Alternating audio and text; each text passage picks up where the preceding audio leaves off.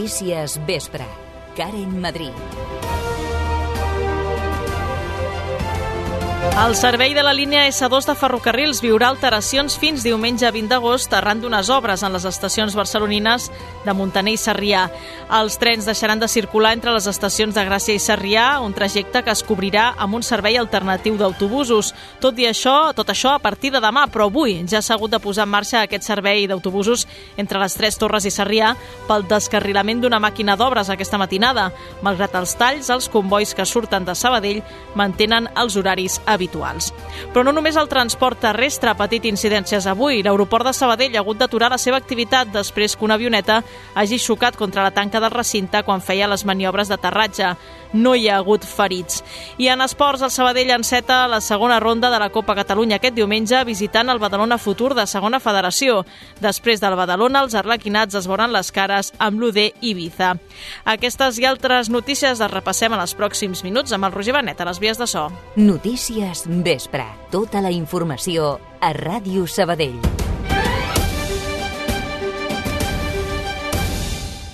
Els serveis.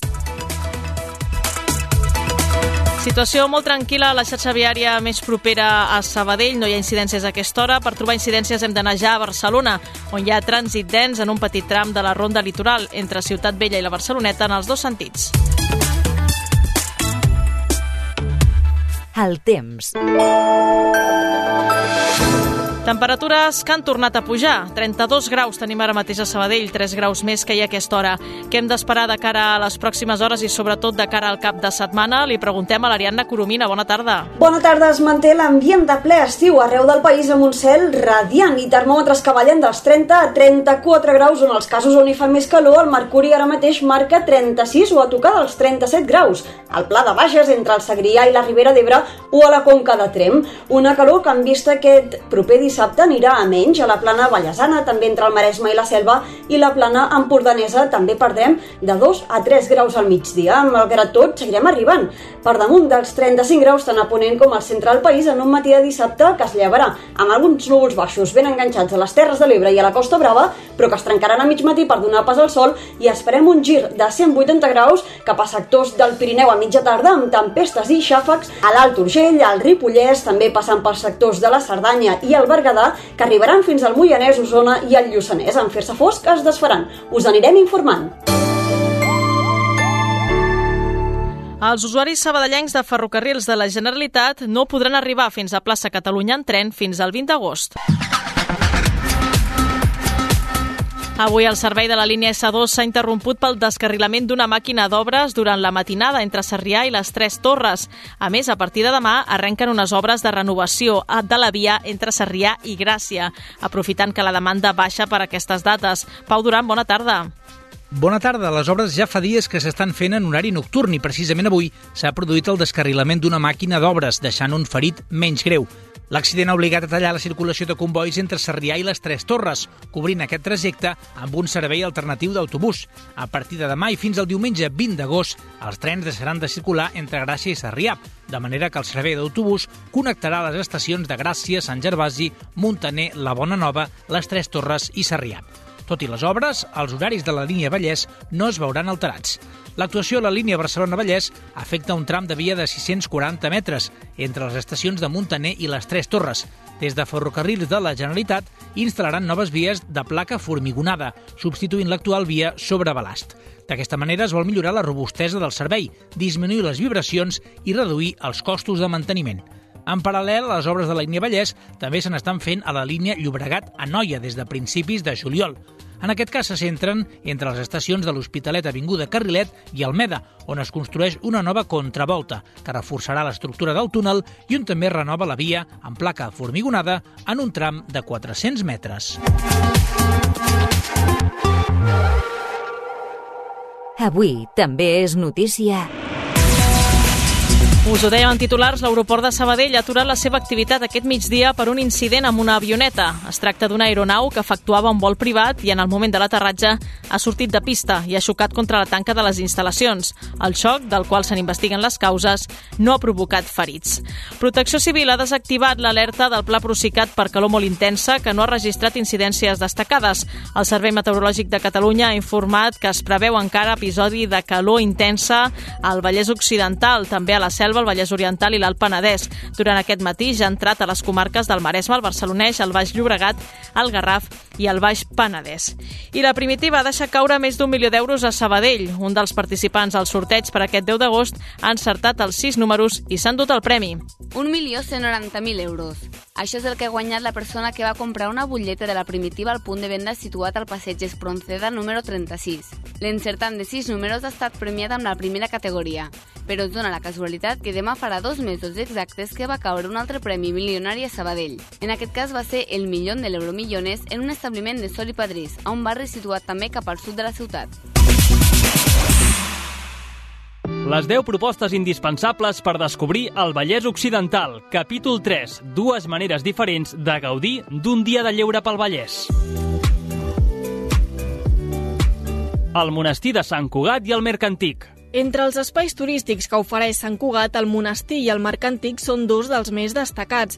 Passejar pel conjunt monàstic del monestir i visitar el Marc Antic, un dels principals mercats d'antiguitats i objectes vintage, és sempre una bona opció quan es visita aquesta població. Per conèixer una mica millor què ens pot oferir cada espai, escoltem la tècnica en turisme del Consell Comarcal Cristina Torell. Si només teniu un dia per visitar Sant Cugat, us proposem una visita al monestir Marc Antic. El monestir de Sant Cugat va ser el més important de tot el comtat de Barcelona a l'època medieval i és considerat un dels conjunts monàstics més ben preservats de Catalunya. Actualment consta de l'església i d'un magnífic claustre, que acull la seu central del Museu de Sant Cugat. El claustre romànic és l'element més rellevant del conjunt monàstic per la qualitat decorativa dels seus capitells. S'hi pot visitar també una exposició permanent que permet descobrir l'origen i l'evolució arquitectònica d'aquest conjunt monacal al llarg dels segles i de la comunitat benedictina que el va habitar. Per altra banda, si sou amants de les antiguitats i dels objectes vintage, no us podeu perdre la visita a Mercantic, un lloc únic per la seva singularitat. Un espai on podreu trobar objectes d'èpoques diferents i peces de col·leccionista, on podreu gaudir de l'oferta cultural de la llibreria El Ciclo i de l'espai d'art contemporani La Puntual, on podreu degustar l'ampli i variat ventall gastronòmic, així com els vermuts musicals, les exposicions, l'street food i molt més. Consulteu l'agenda de les visites realitzades al monestir de Sant Cugat i l'agenda de Consell. Tots els espais estan situats a Sant Cugat, podent arribar-hi en vehicle privat o mitjançant els ferrocarrils de la Generalitat de Catalunya. Tant el monestir com el Marc Antic estan oberts al públic de dimarts a diumenge. En el cas del Marc Antic, però, cada comerciant pot variar el seu horari comercial. I per aquells que vulguin una visita guiada pel monestir, ho podran fer el segon diumenge de cada mes per un preu de 2 euros per persona.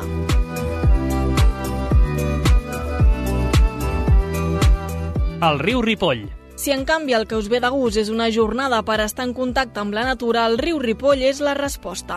El seu recorregut engloba diversos municipis de la comarca i compta amb una gran oferta de camins i espais per descansar. La Cristina Torell ens presenta aquest espai. El riu Ripoll travessa, al llarg dels seus 40 quilòmetres de recorregut, els municipis de Sant Llorenç Savall, Castellà del Vallès, Sabadell, Barberà del Vallès, Ripollet i Montcada i Reixac. Durant els darrers anys, s'ha anat adequant i millorant els camins amb l'objectiu d'oferir un espai on poder realitzar activitats del lleure i la natura que en puguin gaudir tots els ciutadans. Alguns espais destacats serien l'àrea d'estada de les Arenes, a Castellà del Vallès, o el torrent de Colobrers de Sabadell. Pugeu fins la salut per veure la posta de sol. És de postal. Al riu Ripoll s'hi pot accedir a través dels municipis de Sant Llorenç Savall, Castellà, Sabadell, Barberà, Ripollet i Montcada i Reixac, ja sigui en transport públic com en vehicle propi. Ja coneixem dues noves propostes ben diferents per gaudir del Vallès Occidental. Tornem en una setmana per descobrir-ne de noves. Ràdio Sabadell. Notícies vespre. A tres setmanes exactes perquè comenci la festa major heu de saber que hi haurà novetats importants en les activitats esportives. D'una banda hi haurà moltes primeres edicions i per tant noves experiències i de l'altra dos dels clàssics populars presenten modificacions. Comencem pels clàssics. Per la cursa i la bicicletada popular. Aquest any no hi haurà possibilitat de fer una tercera volta, sinó que només hi haurà la cursa de 5 i 10 quilòmetres. La resta segueix igual. El circuit és circular i se surt des, de la, des del passeig de Sant Oleguer a les 10 del matí. En canvi, en la bicicletada de dilluns, el que canvia és el recorregut. Aquesta vegada el punt de sortida i d'arribada serà la Ronda Ponent. Els participants arribaran fins a la carretera de Prats i Lluçanès passant per la Rambla, l'Avinguda Barberà i carretera Terrassa, entre altres. Cal tenir en compte que tant per la cursa com per la bicicletada es tallaran els carrers afectats. I si anem a les novetats d'aquest any, trobem que hi haurà el primer Open de Karate de Sabadell dissabte al matí al Pavelló del Nord o un test de natació sincronitzada, Ernest Aguilar, és el responsable d'esdeveniments del Club Natació, que organitza diverses activitats d'aigua com aquesta prova de sincro. La veritat és que el tema de la sincro és un, un, un esport que està molt de moda i que sobretot a nens i nenes juganers doncs, eh, els hi agrada molt i, i al final la possibilitat de, de que vingui qualsevol persona, tingui l'edat que tingui, doncs, a, a provar-ho, doncs també pot, pot eh, permetre a la gent acostar-se a un esport que si no és una mica complicat de fer pel teu propi compte, no? Per tal de fer extensiu l'esport a tots els públics, també hi haurà una primera edició d'esports al carrer durant el divendres a la tarda. I en aquest sentit, Aguilar exposa que ells també volen potenciar els equipaments esportius. Nosaltres eh, hem construït eh, una pista reformada totalment nova i tenim ara també doncs, molta gent de l'equip nacional de vòlei platja i, i gent destacada dins del món del voleibol que l'està utilitzant molt per, per entrenar, per les seves competicions de vòlei platja i és un espai doncs, que, que des del club es vol anar doncs, a, promocionant i, i, i posant doncs, perquè la gent sàpiga no, que, que té aquesta possibilitat aquí a Sabadell. No? Per a aquells més tranquils, hi haurà una segona edició del taller de ioga que va impulsar l'any passat on múltiples itineraris per la ciutat i els seus entorns.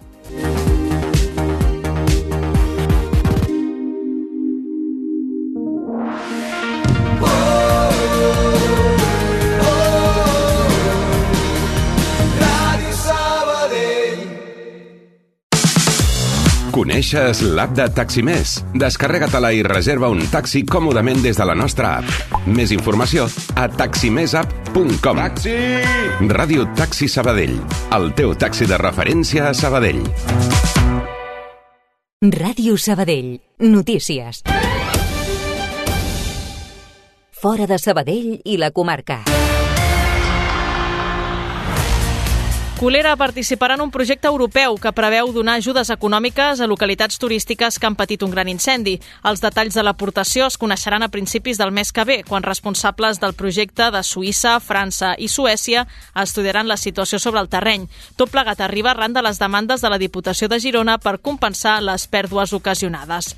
La nova subvariant de la Covid-19 anomenada Eris circula per Catalunya des de fa setmanes. Fins al 7 d'agost hi havia un total de 29 registres de la variant incloses al sistema d'informació per la vigilància d'infeccions a Catalunya.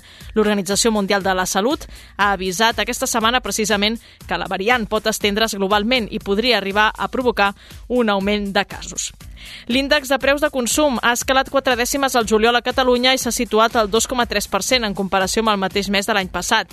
Es tracta de la segona variació interanual més baixa de l'IPC des de l'abril del 2021. L'indicador crescut després de dos mesos consecutius de baixada. Els aliments han repuntat i encara són un 10% més cars que fa un any. Els carburants són un 15,3% més barats que el 2022, però repunten 3 punts en un mes. La inflació subjacent, que no té en compte aliments ni elaborats i l'energia, ha escalat fins al 6,2%, 3 dècimes més. I un últim apunt, el grup de turistes atrapat a Etiòpia per l'escalada de violència al país ja és a una base militar i demà volarà cap a la capital del país, Addis Abeba. Els 19 afectats que han estat extrets de la zona de guerra amb helicòpter tornaran a casa dilluns, segons ha informat l'agència de viatges viatges barcelonina Cananga. Esports.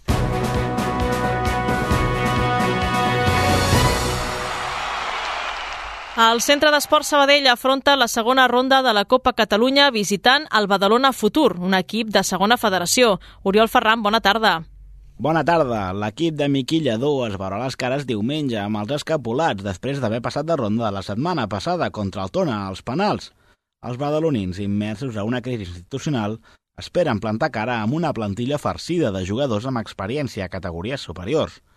Un exemple és Marc Vargas, cedit oficialment aquesta setmana per part del mateix Sabadell, i fa referència al tècnic arlequinat, Miqui Lledó. L'important és que jugui, que segueixi creixent. Tenim la fortuna doncs, que segona federació és una lliga molt competida també, on, on realment pot seguir desenvolupant com a jugador, és molt jove, crec que li farà, li farà molt bé i és la, la seva obligació, no? doncs, eh, entrenar per guanyar el seu lloc, realment sumar aquests minuts que, que, que, que contribuiran a que, sigui, a que sigui més jugador, que estigui més fet, a que presti millor, millor rendiment per nosaltres, per tant jo crec que en aquest aspecte per ell, doncs, eh, tot i que no, segurament volia estar amb nosaltres, eh, doncs és, és necessari que el jugador jugui. El centre d'esports segueix perfilant l'equip de cara a l'inici de Lliga. Després del partit de Badalona, el dijous, els de Miqui Lledó es veuran les cares amb l'Ude Ibiza. Tot i el calendari, el tècnic assegura que primer es volen centrar en passar de ronda de la Copa. També sense oblidar doncs, que després la següent d'aquesta sèrie Ibiza, que és una que, que tenim marcada al calendari, que també ens ajudarà doncs, a medir-nos i, i a veure quines, no, quines mancances i quines possibilitats tenim, però, però haurem d'esperar, és partit oficial, hem de sortir a guanyar-lo, passar ronda és l'objectiu i, i això farem. Guillem Naranjo serà baixa per una luxació de l'espatlla esquerra, mentre que s'espera que Marcos Baselga, qui ja entrena amb l'equip, estigui present al municipal de Badalona. El partit arrencarà a les 6 de la tarda. En cas de passar ronda, el conjunt arlequinat es veurà les cares la setmana que ve amb el vencedor del Sant Andreu Olot, que es disputa una hora abans. Relacionat amb el centre d'esports, aquesta tarda s'ha fet oficial el fitxatge de Sergi Altimira pel Betis. El club sevillà ha pagat la clàusula de rescisió del migcampista de Cardedeu, que després de jugar al Sabadell l'últim any va arribar a lliurar al Getafe. Amb el pagament de la clàusula per part del Betis, el Sabadell s'emportarà una pessigada del fitxatge a causa dels drets de formació. També el conjunt arlequinat, en aquest cas el filial, ja està tot preparat perquè demà debuti amb el primer partit amistós de la pretemporada. El segon equip del Sabadell es veurà les cares amb l'Inter de Barcelona, un equip de nova creació i que jugarà a la quarta catalana, però que arrenca amb una forta inversió i amb l'objectiu d'escalar fins al futbol professional en pocs anys. Conrad Garcia és el tècnic del B del centre d'esports. És cert que, que jugar contra un equip així o un projecte així que, del qual tampoc jo personalment en sé gaire, però sí que sí que he vist un parell d'articles o he llegit alguna cosa que, que diu exactament el que dius, no? que és un projecte ambiciós amb, amb un breu temps començant des de baix arribar al, al futbol professional, sempre ho veus amb una mica d'incertesa, no? El següent compromís del Sabadell B serà contra el rival d'aquest diumenge del primer equip, el Badalona Futur, el pròxim dijous. Per la seva banda, el juvenil A del Sabadell va debutar al torneig Sant Roc Vila d'Arenys amb victòria per 1-0 davant del Cornellà. En canvi, el mercantil va caure 4-1 contra l'Espanyol, malgrat haver-se avançat en el marcador a la primera meitat. El mateix torneig, des de 3 quarts de 6, està en marxa el Sabadell Gavà i demà, a la mateixa hora, es jugarà el mercantil Badalona. I acabem la informació esportiva a l'aigua l'aigua perquè avui ha començat a Dublín l'europeu de natació sub-23 amb dos representants del Natació Sabadell. Ferran Julià i Diego Mira prenen part d'una competició que s'allargarà fins diumenge. Julià ha encetat la participació als 200 lliures acabant nové de la sèrie quedant eliminat. Demà serà el torn dels 400. Per la seva part, Mira estarà en les diferents distàncies d'esquena. Avui ha quedat també fora de la final dels 200 esquena en ser cinquè de la seva sèrie.